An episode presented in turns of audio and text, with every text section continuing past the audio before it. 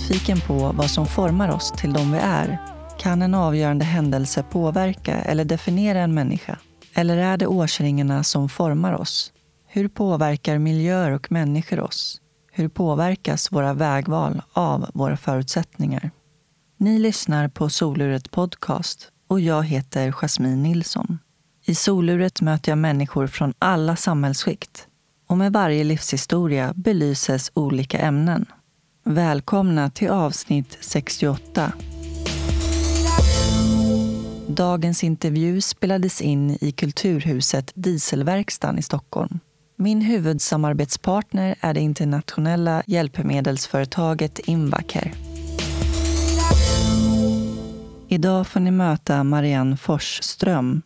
Hennes dröm var att bli mamma och Marianne fick sitt första barn vid 19 års ålder.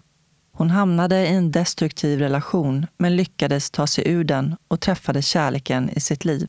Några år senare drabbades Marianne av cancer och efter att ha friskförklarats råkade hon ut för en svår olycka.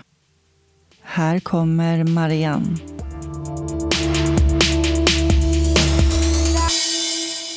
Men vad säger du, ska vi... Vi kör. Vi kör. Härligt. Välkommen till soluret, Marianne. Tack, Jasmin. Hur är läget? Det är bra. Jag är lite nervös bara. Men det går ju över så småningom. Ja, till och med drömde om mig. Ja, eller hur? ja. Vad drömde du för något? Du frågade mig massa frågor och djupa frågor. Jag hade inget svar att ge dig. ja, prestationsångest ja, eller hur? inför standardfrågorna. Ja, ja. Du har kört hit. Mm. Hur går det att köra? Går det bra? Jättebra. Nej, det är min eh, bästa, bara att kunna sätta sig i bilen och köra vart man vill. Eller hur? Mm. Jag brukar säga att bilen är det viktigaste hjälpmedlet efter rullstolen. Mm, faktiskt. Eller hur? Mm. Varje gång jag sätter mig i bilen så tänker jag så här, gud vad jag älskar dig. Ja. Ja, bara åka iväg och... Ja, nej, den är så bra. Mm. Hur länge har du haft din bil? Ett år ungefär. Det är första bilen efter Ja, det är skadan? första. Ja. Hur har din dag varit hittills? Den har varit bra. Jag blir så bortskämd varje morgon. Då min assistent börjar ju vid eh, åtta. Så ligger jag i sängen så säger jag, hej Anna, kan du gå och ge frukost till mig? Hon bara, ja. så sätter jag mig upp i sängen och så kommer hon in med frukost och tittar morgon-tv. Och, nej, sen så åkte jag hit och inte så mycket mer. Mm. Mm. Men berätta vart du kommer ifrån. Jag är uppvuxen i Stockholm, i Tyresö, i hus med eh, ja, min eh, mamma och styvpappa då. Och sen så två av mina syskon. Okej. Hur var din uppväxt? Eh, den var inte så bra. Eh, vi hade en eh, pappa som, eh, eller en styvpappa ska jag säga, som eh, drack mycket och, och eh, misshandlade min mamma. Så att eh, mitt första minne av honom när han slog min mamma var när han slog henne med eh, dammsugaren när jag var typ fem år. Så att jobbigt barndom var det. Vart eh, fanns din pappa? Han finns ju här. Jag har ju, jätte, jag har ju bra kontakt med honom idag. Men eh, på den tiden så ville inte, fick man ju inte veta att... eh, Eller min styvpappa ville vara som min pappa. Det skulle hyschas som att jag hade en annan pappa och sådär. Så att, jag vet inte om han visste om mitt läge heller. Den situationen som ni hade hemma? Ja. Så det var jobbiga barndomsår för mig. Mm. Mm. Vad gör det med ett barn att, se sin mamma bli misshandlad på det där sättet? Det är jättesvårt att svara på. Men jag tänker själv på att jag var ju jättejobbig som tonåring. Men det är ju det, jag tog ju ut mina aggressioner där och, och så. Och eh, ja, var verkligen, jag brukar säga att mina barn är änglar mot vad jag var. Och sen är det så konstigt, för sen så skilde ju de sig när jag var 13 år. Eh, och då ville jag bo kvar med honom. Och det kan jag så där inte förstå idag. Varför vill jag bo kvar med honom för? För att... Eh, men jag har tänkt så här i efterhand att det var väl säkert för att eh, jag vill bo kvar i eh, Tyresö, där jag växte upp då, bland mina kompisar och så. För hon flyttade, hon flyttade till eh, en annan sida av stan då. Han hade ju sina bra, bra stunder också. Så att jag tänker liksom att, eh, att jag har alltid varit sån att Se det bra i människorna. Se det positiva. Och, men eh, på senare tid så... Vi har ingen kontakt idag alls. Och det är ju på grund av hur han var i vår uppväxt. Jag kan ringa någon gång och bara fråga hur det är och, och sådär. Men ingenting mer att man åker och hälsar på eller... Ja. För att eh, jag kommer ju aldrig förlåta honom för vad han har gjort. Och det har jag märkt att ju äldre jag blir så... Så, vad heter det? Jag behöver inte förlåta honom. Mm. Var det någon runt omkring, jag tänker familj, släkt, eh, grannar som på något sätt uppmärksammade? Ja, för det är det som är så konstigt. Det fick jag ju veta för flera, eller ganska många år efteråt eh, av min faster att vår farmor visste hela tiden hur han betedde sig. Och jag bara, men varför gjorde ingen någonting? Jag, jag kommer aldrig förstå det liksom. Mm. Det blir ju svårt att hjälpa barn då som befinner sig i en sån situation om inte människor runt omkring gör någonting. Ja, ja. Agerar, knackar på. Vad håller ni på mm, med? Faktiskt. Vart är du i syskonskaran? Äldst. Kände du också ett eh, stort ansvar då för dina My småsyskon? Jättemycket. Det gjorde jag. Hur gick det i skolan då? Gud, jag var riktigt bråkstake. Men eh, det var, ju, det var ju kul att gå i skolan och jag hade ju mycket kompisar och, och var så där livlig och rolig och glad. Och det är ingen som kunde tro hur jag hade det hemma. Så att, eh, men nu förstår man ju så här, eh, när man har blivit äldre, när man ser ungar som har det. Jag bara, gud, det är ju jag när jag var i den mm. åldern. Det är nog ganska vanligt också att man blir utåtagerande ja, tänker jag, när man ja. är med om sånt här. Var det någon gång du berättade för någon kompis eller sådär? Eller höll du det alltid för dig, för dig själv? Nej, jag höll det nog alltid för mig själv. Mm. Vad jag kan minnas. Jag flyttade ju hemifrån redan när jag var 16 år. Och eh, jag kommer ju ihåg det som att det var en väldigt rolig tid för mig. Jag fick ju en eh, studentlägenhet vid Södersjukhuset och var ute och festade. Hade bra kompisgäng och vi hade jättekul ihop. Så jag eh, jag ser det som en väldigt eh, rolig tid. Jag hade alltid nya kläder, men jag hade aldrig några pengar. Nej. Så gick jag och handlade och sen så lämnade man tillbaka på måndagen med prislappen på. Ja. Smart. Ja. Men eh, du klarade av skolan och eh, när du var 16 så flyttade du hemifrån. Mm. Vad, vad hade du för drömmar som barn? Eh, min dröm var att bli psykolog eller barnmorska. Jag tyckte att eh, det var spännande yrken att se hur våra hjärnor är. Och tycker fortfarande idag det är jättespännande. Och vad, vad tänkte du att du ville göra efter gymnasiet? Jag träffade ju två av mina barns eh, pappa eh, då sista året på gymnasiet. Så att, eh, det var faktiskt därför jag flyttade till Eskilstuna. Jag hade väl inte så jag har ju alltid velat haft barn och fick barn bara när jag var 19 år. Och sen så fick jag min andra när jag var 22. Ja, min dröm var väl också att bli mamma, att vara mamma. Visa liksom eh, hur man ska vara som mamma. Det är så svårt. Jag är inte den perfekta mamman. Jag tänker att du kanske ville ta revansch på din barndom också. Ja, men det som är så himla konstigt det här med för att jag träffade ju Karo som de heter, deras pappa, när jag var 18 år. Och eh, han var ju precis likadan som min styvpappa. Eh, han, var ju, han eh, slog och misshandlade mig. Eh, och eh, jag kan inte förstå att, eh, att jag inte bröt mönstret. Men jag trodde ju att det, det är ju så här att det är i ett förhållande. Men Sen vill inte jag prata mer om det med respekt för mina barn. För att eh, det är deras pappa då. Ja. Men sen tänkte jag att när jag eh, träffade min nuvarande man när jag var 24 så... Det var ju då som jag kom på att bara, Gud, är det så här det ska vara? Han är världens snällaste. Och, men det var så konstigt att för jag har många gånger tänkt på det att det tog mig 24 år att inse att men gud, det är så här det ska vara i ett förhållande. Mm. Alltså jag bröt ju mönstret där. Mm. Liksom. Mm.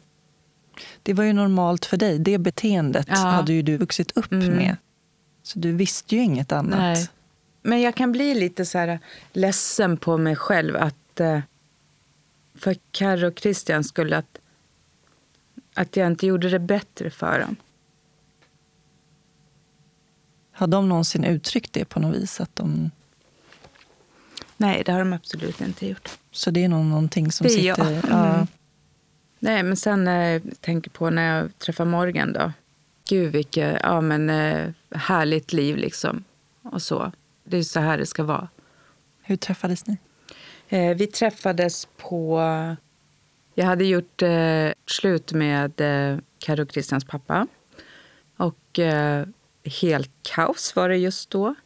Och sen fick jag ett nytt jobb på Assa eh, och där träffade jag honom. Kom han och, i den här, en truck där och bara “tjena”. jag bara “hej du”. Skitstöddig var Nej men gud, jag tyckte inte om honom från första början. Tänkte, vad är det för dryg jävel som kommer här? Ja, oh, gud vad vi är. Ja, och han bara, du kan ju ringa mig. Jag bara, vadå ringa? Jag har inte ditt nummer. Det var inte kärlek vid första ögonkastet, men det, men det har hållit. Hur var det att bryta upp med, liksom från det här destruktiva förhållandet? För jag menar, det, det måste ju krävas väldigt mycket mod och styrka att göra det när man befinner sig i en sån mm. destruktiv relation.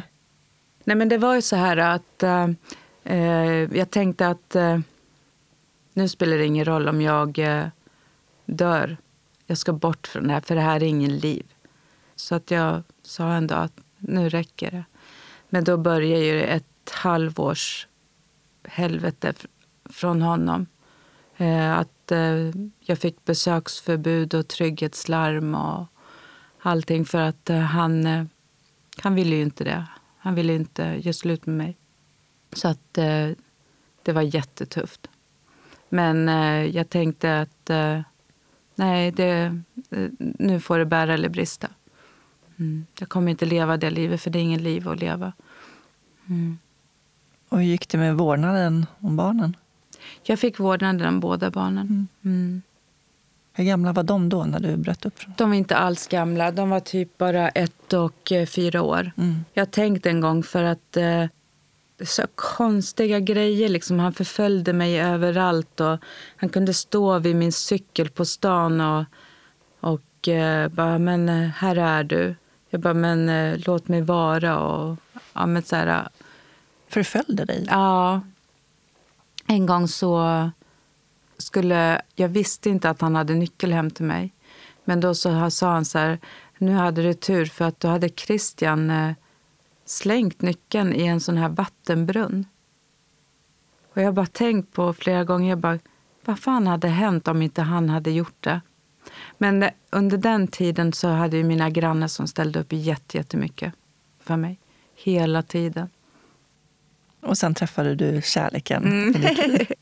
Eller hur?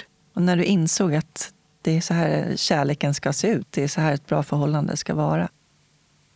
Det tog ju flera år för mig för att liksom inse att uh, gud, jag får må så här bra. Mm.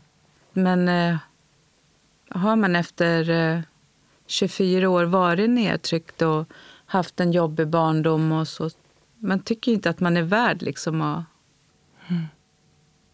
För det var ju då när jag träffade min man, 94 och tänkte gud nu är ju livet jättehärligt. Nu har jag ju träffat den jag vill ha och, och det är så här det ska vara. Och, nej men, vi var ute och reste, vi gifte oss och fick eh, Linnea. Och, ja men, eh, jätte, jätte, jättehärligt eh, liv. Sen helt plötsligt så kände jag ändå att fan, har jag i magen var som en stor boll, typ. så här. Jag skulle göra sån här eh, träning. Eh, du vet när man står på knäna och så rullar man. Och eh, Jag fick så jäkla ont i magen. Så gick jag och kollade. Sen så upptäckte de en, eh, som en tennisboll på så här högmalint lymfom. En eh, tumör som sitter i mjukdelarna av kroppen. Så att Och då tänkte jag så här, men vad fan. Redan då tänkte jag så här, räckte det inte? Kunde inte jag få vara lycklig med, med Morgan och ungarna och, mm. och så där? Bara leva mitt liv.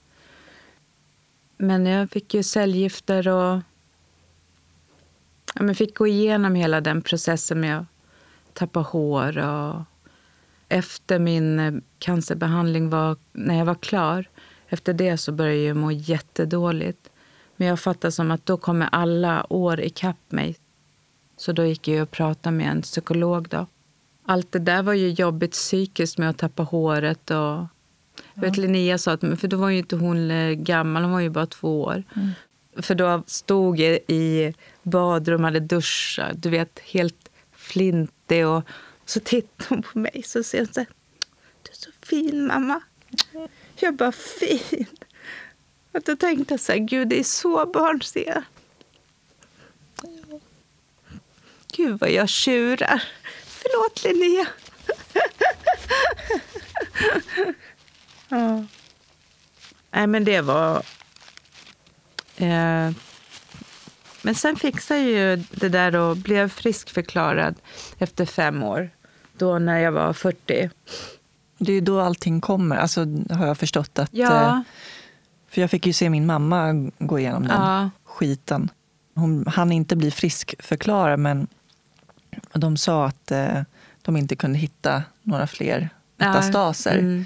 Så hade vi en förhoppning om att, att det var klart. Mm. Liksom. Mm. Vilket inte var, visade sig. Nej. Men då hamnade hon också i det här, att det blir som ett bakslag. Ja. Att när man blir i princip friskförklarad mm. och nu ska man leva livet och vara glad mm. över liksom, att man överlevde och så vidare. Men det är då sorgen kommer ikapp mm. och man tillåter sig själv att sörja. Mm. Det var jätte, jättejobbigt. Men jag träffade en jättebra psykolog. Jag typ pratade med henne ett år. Jag fick bara tio gånger. Jag bara, nej, jag ska vara hos dig längre. Så att jag tvingade mig kvar där och det är jag glad över att jag, att jag gjorde. Men sen rullade ju livet på. Jag var lycklig igen. Liksom. Då tänkte jag så här, nej, det kan inte hända mig något mer. Nu liksom räcker det för min del. Jag sa till min jobbarkompis också, livet är så härligt nu. Vet, barnen börjar bli stora, man har drömmar om vad Morgan och jag ska göra och, och sådär. Nej, men sen jävla vart det en käftsmäll till. Cyklade till jobbet en morgon och eh, skulle korsa en väg, titta mig om flera gånger och ja, körde korsa vägen och sen fick jag en liten puff i, på cykeln bakom mig och eh, ramlade och bröt nacken. Så det var ju inte ens... Eh, jag stod säkert still typ nästan när han eh, körde på mig. Jag har ju minnesbilder från hela tiden. Från att jag blev påkörd till att jag typ var vid eh, lasarettet och åkte ambulansen till Uppsala. Och så, där. så att eh, jag låg ju på marken och eh, det är så himla konstigt alltså hur man är som människa. Men jag låg på marken och tittade upp i himlen. och Han som körde på mig är bredvid där och är jätteskakad. Och säger jag vet inte vad ni ska köra, för då var jag till ambulansen. Eh, han pratade om ambulansen. Så sa jag till honom, jag bara, men säg att de kör mot Ica Stenby. Jag bara, men gud, här ligger jag och blir påkörd och ska förklara vägen. Men hur konstigt är det? Mm. Så han bara, kör mot Ica Stenby. Jag bara, men gud, det här var ju så här, i efterhand jätte, jättekonstigt. Du flög av cykeln. Ja, det gjorde jag. du landade eh, på ett sånt sätt att ja. du bröt nacken. Många frågar så hade du cykelhjälm? Och det bara, nej, men jag hade inte det. Och eh, jag sa ju också när jag var inne på lasarettet och jag hade ingen cykelhjälm. Men då så var det en som sa till mig så här, men det hade inte hjälpt dig den här gången. Nej. Så jag man ska ha cykelhjälm, mm. absolut. Men det är en klen tröst ändå? Ja, ja lite sådär. Ja. Sen när jag låg där på marken och skulle, ja, när de höll på där, så ser jag, eh, så ser jag Morgan komma springande mot mig och bara slänger sig ner. Och då tänkte jag så här att, men gud varför har jag tvivlat på att han älskar mig? För jag såg så mycket kärlek i hans ögon. Jättekonstigt. Så att... Jag ska inte tvivla på det. Så här vaga bilder liksom. Jag vet de körde upp mig till eh, lasarettet och sen så kom Martin eh, Morgans son, där jag har ju haft han sen han var två år, så jag ser han som min son också. Mm. Och jag såg att han storgrät och tittade på mig. Och tänk, då tänkte jag så här, fan det här är allvarligt. Men jag hade ingen aning om vad som hade hänt med Nej. mig. Liksom. Svårt att tänka rationellt. Ja. Och sen så här i efterhand har jag, när det var helt kaos där, så min eh, Linnea som är 12, hon var 12 år då. Eh, för Morgan hade fått ett telefonsamtal på morgonen då. Eller att jag ja, eh, hade blivit påkörd. Och han hade släppt ju allt och bara sprang iväg. Och Linnea bara hade sagt så men gud mamma, eller vad, hade, vad som har hänt? Och hon ringde till mig och jag svarade inte. Hon ringde till Morgan och han svarade inte. Och hon, hon ringde till Carro. Så sa det har hänt någonting med mamma. Nej, så Carro, det har det inte gjort. Jo, det har det. Och då går hon in på tidningen och läser att det är en cykelolycka. Och då skriker hon i hela huset.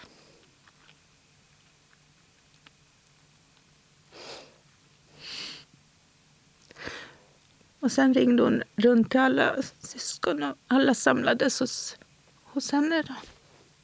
Det är fyra barn sammanlagt. Ja. Mm. Hur gammal är hon? Eh, idag är hon 17 år. Och hon sa åt mig att du grinar inte i podden. Nej, det kan jag inte lova, Linnea. ja. Och jag bara, jäkla unge, gå in och titta på Kuriren. Ja, där Eskilstuna-Kuriren. Mm. Morgan kom snabbt då till dig? Ja, och det ska jag säga till alla, för jag har ju i min mobil den här ICE, in case of emergency. Aha. Och då så, om det händer någonting så kan man ju... Ja, det var ju därför de ringde. Det står ICE Morgan och sen så var det därför han kom så fort. Han kom och du sa att han slängde sig bredvid dig. Ja. Jag har inget minne av när de sa åt mig att jag hade brutit nacken att jag är förlamad. Jag har inget minne av det. Jag har tänkt och tänkt, när fick jag veta att jag var förlamad? Men eh, jag vet inte. Men det var så konstigt för att jag hela tiden eh, från eh, min skada sagt att eh, jag ska vara precis likadan som jag var innan. Mm. Bara att jag sitter i rullstol. Jag förstår precis vad du menar. Det var väldigt viktigt. Mm. Det var jätteviktigt för mig. Det förstår jag verkligen. Mm. Jag vet jag skrev till ungarna jag bara, jag ska vara den snyggaste rullstolsmamman i Eskilstuna. De bara okej. Okay. De var ja. nog bara glada över att de hade kvar sin mamma. Mm. Men hur, hur var första tiden på sjukhuset? Men Det är så konstigt, för när jag ser tillbaka så ser jag mig själv som att jag var glad. Men jag bara, men hur kunde jag vara glad efter en sån här olycka? Jag kanske inte var glad, jag kanske har förträngt det. kanske var glad för att du överlevde. Ja, faktiskt. För jag vet ju när jag var när jag låg på intensiven också och kom upp på avdelningen i Uppsala att ja, men jag skrattade och skämtade med sjuksköterskorna. Och, du vet, när jag fick blodtrycksfall. Och, och ibland kunde jag skämta med dem att jag fick blodtrycksfall. Jag bara, men mm. gud. ja. Ja, men det där tror jag är en överlevnadsmekanism. Ja. Eh, och det har jag sagt många gånger i den här podden tidigare. Att eh, humorn hjälper en att överleva ja, många ja, gånger. För det kan jag också, när jag gick och pratade med en psykolog, sa jag till henne så här, jag kan inte förstå att jag är så himla glad. Jag borde ju typ vara jättedeprimerad och, och vara världens suraste, allt vad jag har varit med om i mitt liv. Fast då sa hon till mig att eh, men din eh, glädje och lycka är din styrka. Precis. Gud, ja, det är det ju. Liksom. Mm. Och då sa hon också liksom att du har ju tagit det goda i din väg som du har gått. Liksom. Att man uh, har det som har varit jobbigt och tufft liksom, har man uh, på något sätt uh, skrapat bort. Hur är din relation till din mamma? Den är spännande just nu. För att Vi har inte haft så himla bra kontakt för att de flyttade till Spanien för sju år sedan. Nu har de faktiskt flyttat tillbaka till Sverige, till Eskilstuna. Det är jättekul att ha henne hemma. Men jag tror ju inte att det blir heller problemfritt. Det ska bli kul att få ha henne nära. För ändå, liksom, jag flyttar ju... Vi har ju inte bott nära på varann på ja, men 35 år. Nej, jag tycker att det ska bli jättemysigt. Får hoppa tillbaka till eh, sjukhuset. Tänker jag. Mm. Eh, hur länge var du på sjukhuset? Eh, jag var fyra och en halv månad ungefär. Mm. Eh, det jag kommer ihåg därifrån var att det var ett gäng eh, patienter som var väldigt eh, positiva. Vi hade jättetrevligt på kvällarna. Satt och spelade Fia med knuff och pratade om, om livet. Och jag hade en granne som också faktiskt bodde i Eskilstuna som hade fått en stroke. Och Äh, han var så himla rolig faktiskt. Så jag kan se det som en, eh, en tuff men eh, ändå ljus tid. Mm. Det jag ångrar jättemycket i, eh, idag som jag skulle vilja kunna ändra om jag kunde, men det kan jag inte. Det var ju att jag ville inte att någon skulle komma och hälsa på mig. Och jag tror att det var för att jag skämdes så himla mycket inför mitt nya jag. Även fast jag sa att jag ska vara som jag var innan. Mm. Så att den enda som fick komma och hälsa på mig det var ju min familj och eh, min bästa kompis. Ingen av mina syskon fick komma och hälsa på. Och jag kan inte förstå idag varför jag inte ville att de skulle komma och hälsa på. Och jag har sagt det att eh, för deras situation blev ju också svår. Ska vi tränga oss på? Ska vi bara komma dit? Eller? Så det ångrar jag jättemycket. Varför då? Varför skulle jag skämmas för? Det var inte mitt fel. Jag hade ingenting med det att göra. Jag hade kunnat fått mer stöd och mycket kärlek och så från dem. Mm. Jag vet min, eh, min styrpappa, han, eh, han bara kom in på Spinalis en dag när jag var där. För jag, hade, jag ville inte träffa han heller.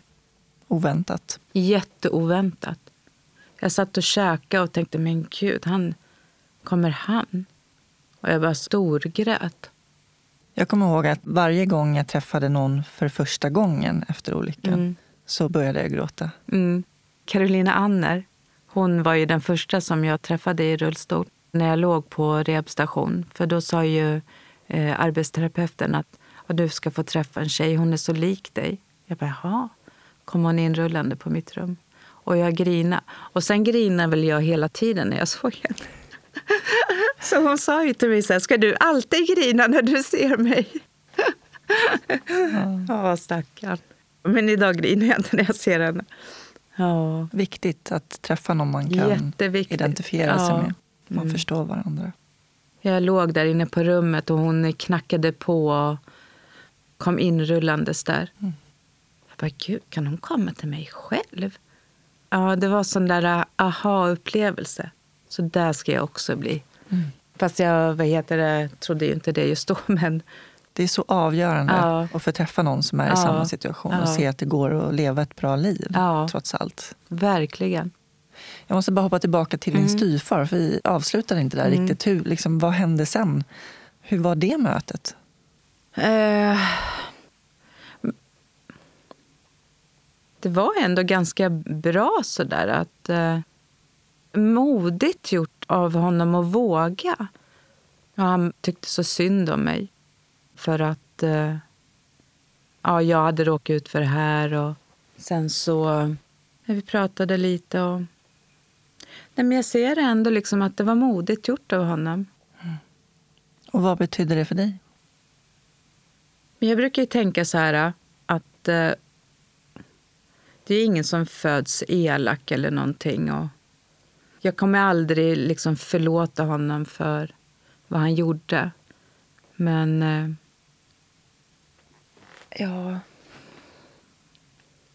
Jag tror ändå att det betydde ganska mycket. Mm. Mm. Att det här liksom... steget till att våga träffa mina närmaste som jag stötte bort.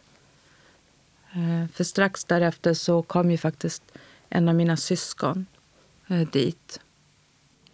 Och hur var det att släppa in ditt syskon? För Jättejobbigt. Mm. Men jätteskönt efteråt. De vill ju bara väl. Jag fattar ju att de var helt chockade också.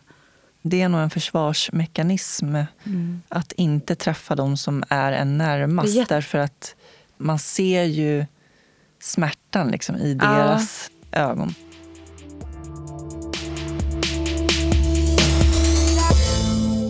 Nu tar vi en kort paus och ringer upp min samarbetspartner Invacare.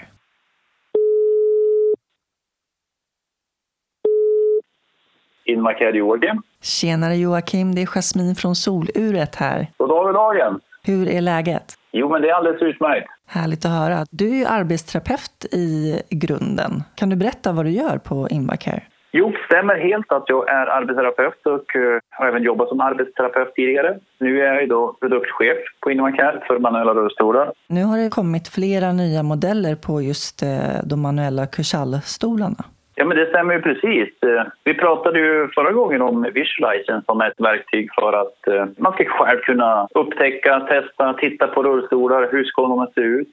Den finns ju till alla våra rullstolar från Kursall oavsett vilken modell av rullstol man tycker är rolig att hålla på med så kan man göra det i den här visualizen. Den största skillnaden eh, är ju rent visuellt att rullstolen har fått en kanske en modern kantig form som man ser den på bilar och den typ av design.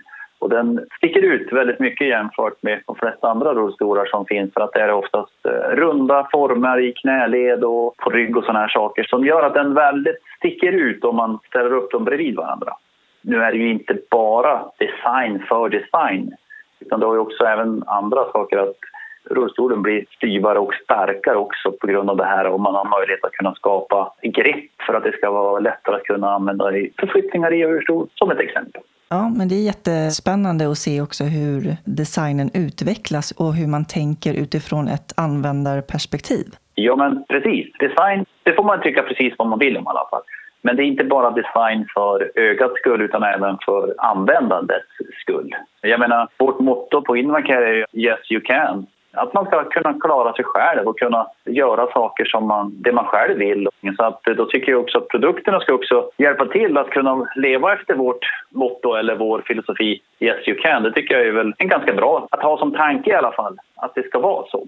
Tack så mycket Jocke för pratstunden. Ja men du, detsamma detsamma. Vi ses i cyberspace. Det gör vi. Ha det bra. Hej då. Ha det gott. Hej då. Cancer när du var 35. Ja. Friskförklarad när du är 40. Ja.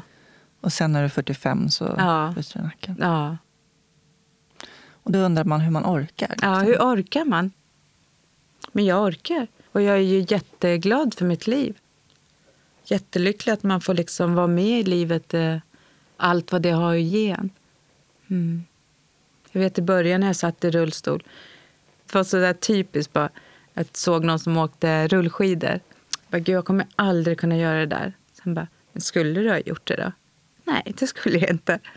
Bara så att tänka på alla saker som man inte kommer kunna göra igen. Ja, precis. Och så spelar jag ju fotboll också. Vi var ju ett gäng 40-45-åringar som spelade fotboll tyckte vi var skitbra. Ja. ja, du var väldigt aktiv eh, innan. Ja, spelade fotboll och sprang. Och, ja, men jag tyckte det var jättekul. Och så är du engagerad i Hammarby. Ja, det är så jävla Riktig kul. supporter.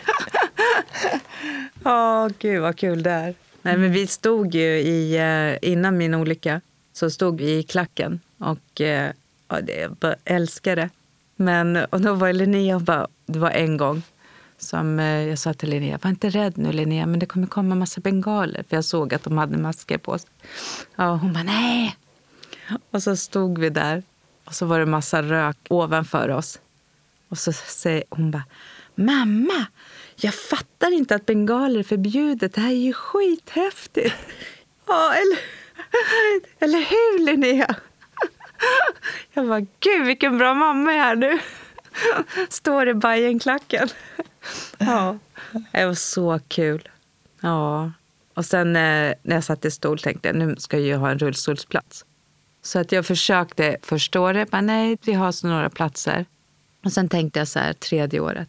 Men gud, hur svårt ska det vara för att man ska få en rullstolsplats? Jag har ju stått i klacken i flera år och bara för att jag sitter i stol ska jag inte få kunna gå och se på matcherna. Så att jag mejlade ju runt det till alla. Så till slut fick jag, ja men vi har ju egentligen inga, men vi har ordnat en åt dig. Jag bara, tack. Ja. Det är helt vansinnigt. Ja, det är, jag har varit så jävla förbannad då. Mm, med all rätt. Ja.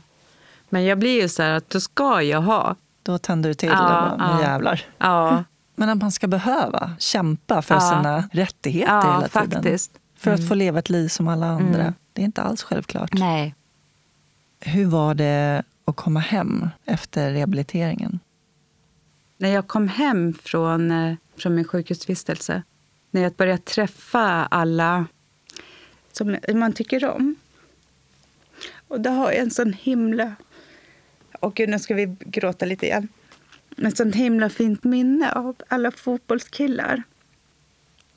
Han har ju tränat ett eh, lag sedan de var sex år och idag är de 27. Så att eh, de har ju varit nära hjärtat. Liksom. Han har ju varit som deras mamma. Men i alla fall, sen var det på första matchen som jag var. För att då var inte Morgan tränare längre, men alla, många av killarna hade samlats i ett lag. Så Morgan bara, men vi åker och tittar på dem. Så vi åkte. Och sen så satt vi staketet och bara härligt att vara vid fotbollsplan igen. Och sen så blåste de av, så då var det halvtid. Och då så skulle de in till eh, omklädningsrummet. Och eh, så ser jag en av spelarna bara titta på mig så här och går rakt emot mig. Och så kramar han mig. Och sen kommer alla spelare, bara en efter en, och bara kramar mig. Och så bara en bara, våran mamma.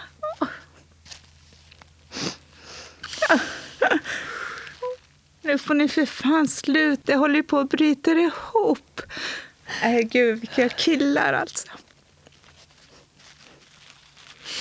Nej, gud, det var så fantastiskt liksom att man betyder så mycket för många, även fast man inte tror det.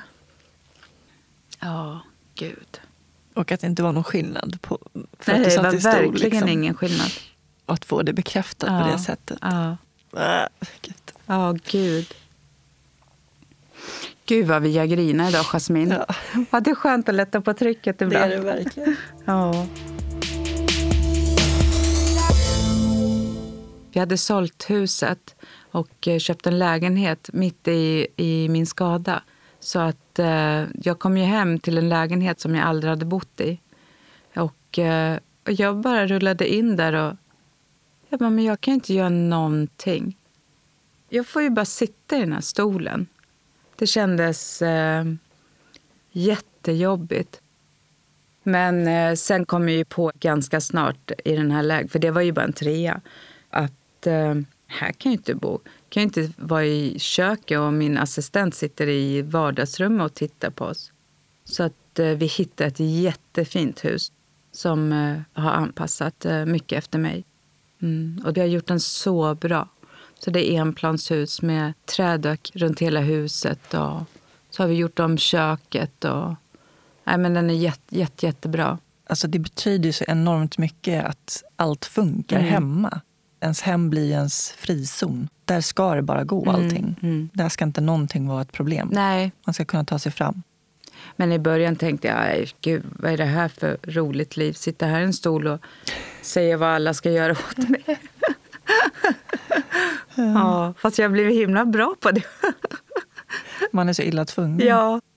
Kan du eh, beskriva din funktionsnedsättning? Eh, Jag har brutit nacken, C6, C7 och eh, är förlamad från eh, bröstet och neråt. Och eh, har eh, lite, nu visar jag ju, pekar jag ju på dig. Men jag har ju triceps och armarna kvar då. Under känner jag ingenting då, under armarna. Händerna hade ju ingenting när jag... eh, Det var ju som slappa sillar brukar jag tänka när man typ ska hälsa. Man bara, hej hej.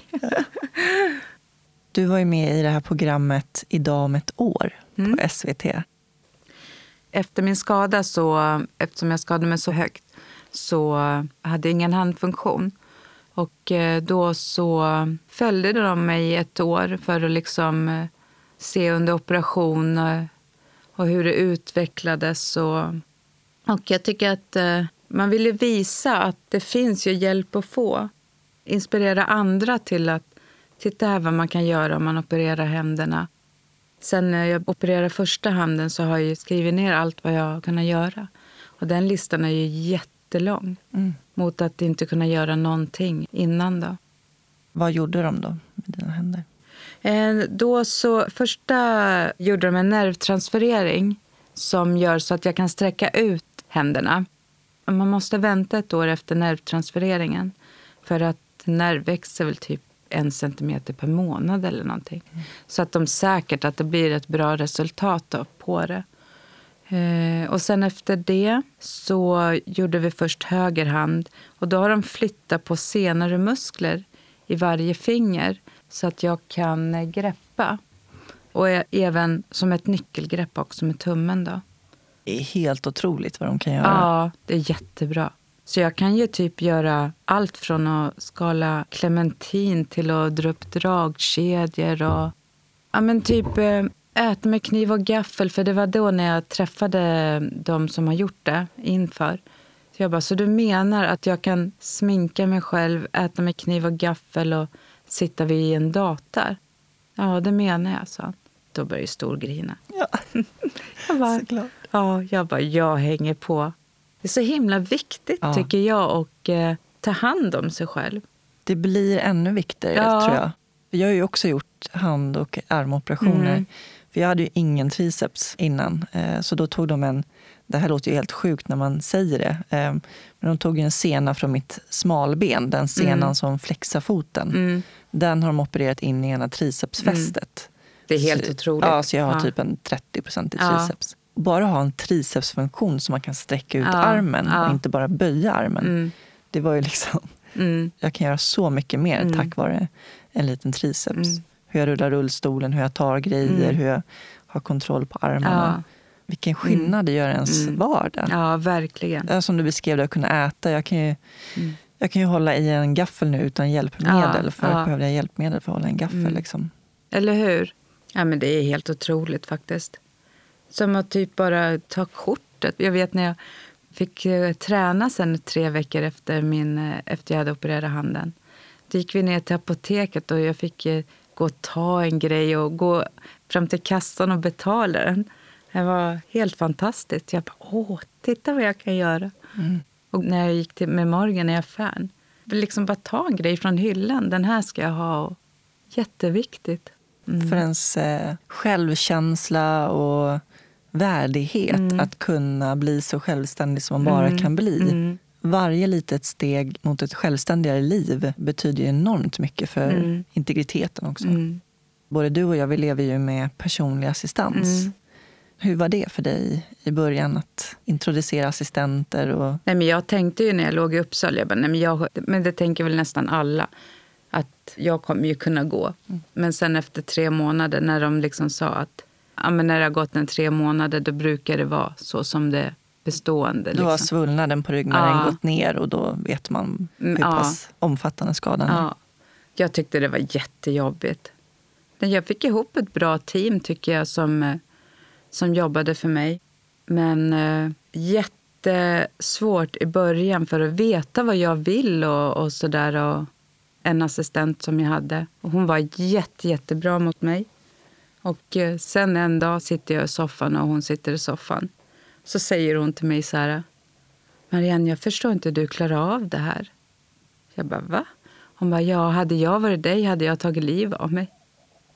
Men jag bara, sluta. Va? Jag bara, men snälla, jag har ju inget val. Jag bara, jag har ju barn och man och... Jag varit så jävla chockad liksom. Men sen tänkte jag så här att som jag, ja men hon är ju så bra, jag försöker liksom ta bort det där. Men det gick ju inte. Då menar hon att ditt liv inte är värt att leva? Ja, eller hur? Jag vart och sen så tänkte jag så här, hon var ju i min ålder, så jag bara... Jag hade ju förlåt henne mer om hon var 20 år, förstår du? liksom? Ja, jag vart så jävla chockad när hon sa så. Men eh, Hon förstod ju inte att hon hade gjort något fel. För jag konfronterade henne sen. Jag kommer aldrig förstå varför du sa så. Ja, det var väl inte så jag menade, men sa hon. Och... Hur var det att behöva konfrontera? Men jag tyckte det var skönt att göra det efteråt. För att eh, annars hade jag tänkt på det så himla mycket. Mm. Eh, fortsatt att tänka på det, hur hon hade kunnat sagt det. Och... Men det som också var svårt tyckte jag var att man får ju en sån otroligt nära relation. Den var ehm, jättesvår ja. för mig i början. Ja. Att då hamna i en konflikt eller mm. säga, alltså, ge kritik, eller så, det, mm. det tyckte jag var jättesvårt mm. i början. Ja, och även nu också. Just för att man kommer så nära varandra. Mm. Jag tycker också att det var jättesvårt. Och jag har försökt ändå liksom att säga vad jag tycker och tänker. Att det är så här som jag vill ha. Och eh, jag vill ju vara kompis, men jag vill ju inte vara kompis heller. Men eh, tänka lite att eh, jag berättar ju inte allt för dem. De är ju här och jobbar för mig. De, behöver inte veta, de ska inte veta hela mitt liv. Men det är svårt när man är nära. Hålla den gränsdragningen. Ja. Att inte bli för personlig, mm. men ändå... Jag tror att personlig assistent är bland de svåraste mm. yrkena man kan mm. ha. Det tror jag med. Men just nu tycker jag att eh, mina assistenter sköter sig. eh, jag har det bra. Jag har ju först Anna som är på dagtid. Då. Och Sen har jag min son som eh, är hos mig på kvällarna. Och Sen har min man lördagar. Men det är ju bara för att vi ska få ha vår tid tillsammans. Så att, eh, jag tycker det funkar, funkar skit, jättebra nu. Skitbra. Du får säga skitbra. ja. ja. men det blir så skönt uh. när man liksom hittar den. Ja, men man behöver inte säga någonting. Och eh, som du säger, att ha den där egentiden, det är, det är ju nödvändigt ja. tycker jag för relationen. Ja, det är det absolut. I början så tyckte han väl säkert han också att det var jobbigt. Man kan ju inte springa naken. Liksom. Nej, nej, men han råkade göra det. Nej, jag skojar. Det gjorde han inte. ja. ja, men det blir ju att man får förhålla sig ja. till en annan ja, men Jag kan säga så här, det är så viktigt att assistenterna kommer i tid. Mm. För att eh, ibland har ju de kommit, typ, om man har haft nya, kommer tio minuter innan. Mm. Jag bara, men jag vill att ni kommer prick. Bara för man vet inte liksom. Morgan så halvnaken. ja, men precis. Ja. Hur lever du ditt liv idag? Jo, men jag lever ett bra liv, tycker jag. jag eh, mitt mål är ju att gå upp i halvtid, men eh, fortfarande så arbetstränar jag. Då. Det har varit lite operationer och så emellan som har gjort att jag inte har kunnat köra på. Då. Jag jobbar som innesäljare och eh, det var ju också efter min olycka. De bara, du ska ju tillbaks. Det var inget... De bara, allt vad du behöver kommer vi att fixa till dig. Så bra arbetsgivare. Så att det, det ser jag fram emot. Och eh, komma och jobba halvtid.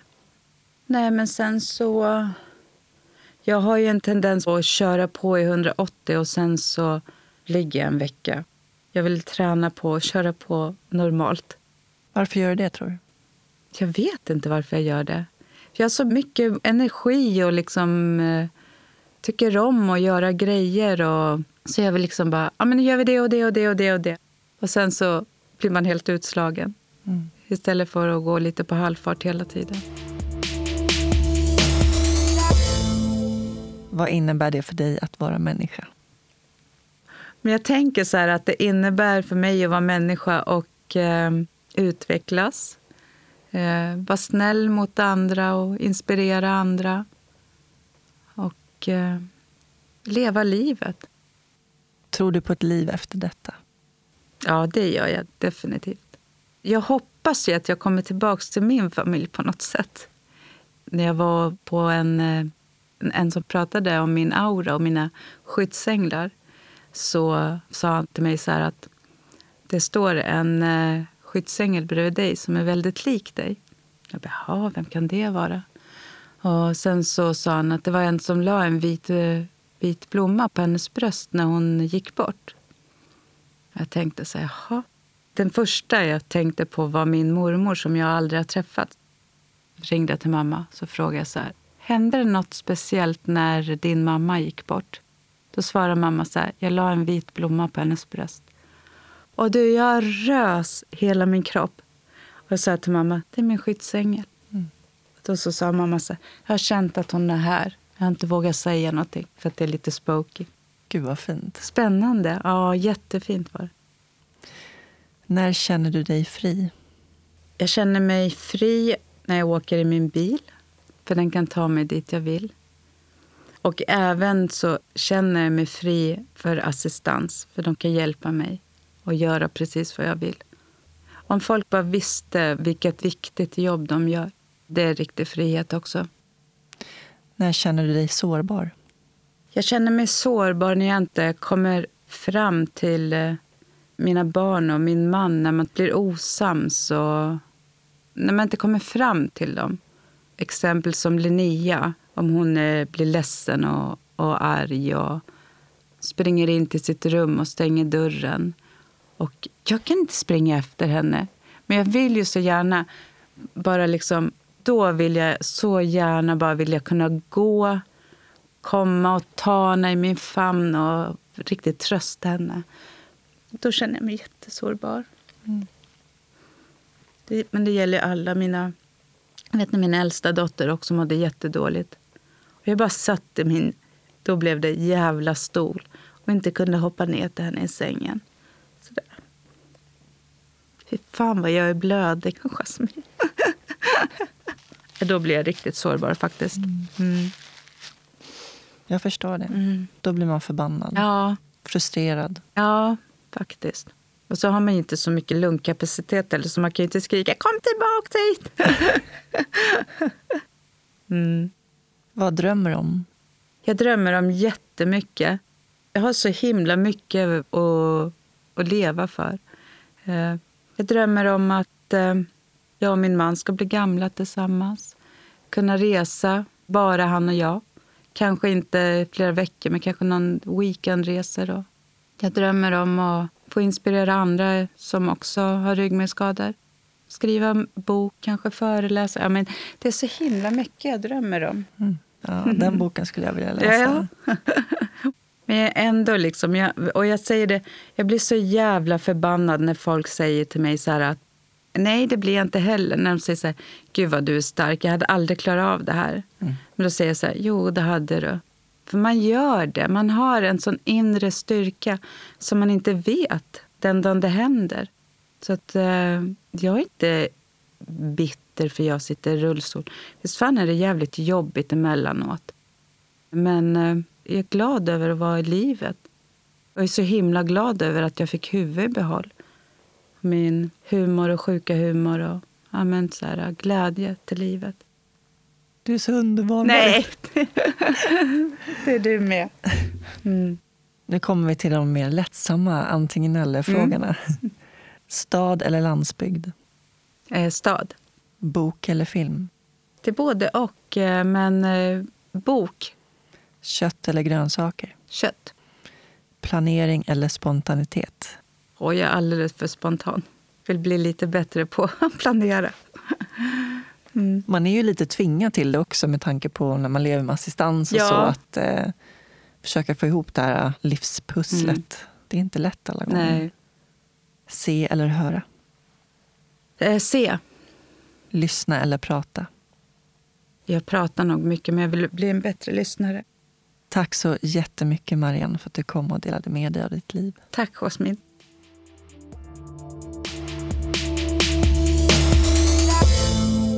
Ni kan följa Marianne på sociala medier. Hon finns både på Facebook och Instagram. Om du lever med en ryggmärgsskada eller har en närstående som gör det rekommenderar jag varmt Facebookgrupperna Vi som har en ryggmärgsskada och Anhöriga och ryggmärgsskadade.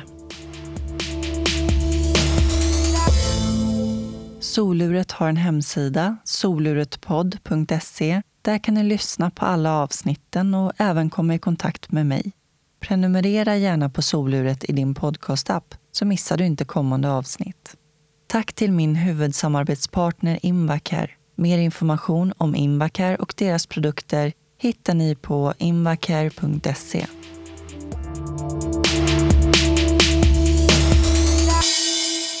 I nästa avsnitt får ni möta Rika Yljekuri hon har arbetat som polis i 30 år och bland annat varit både befäl och gruppchef. Hon var bland annat med och startade Gayföreningen år 2000 för att stötta hbtq-personer inom polisen. Och år 2002 lyckades de få igenom att poliser för första gången fick bära sin uniform i Pride-paraden. Tack så mycket för att ni lyssnade. Ta hand om varandra där ute. Puss och kram. Hej då.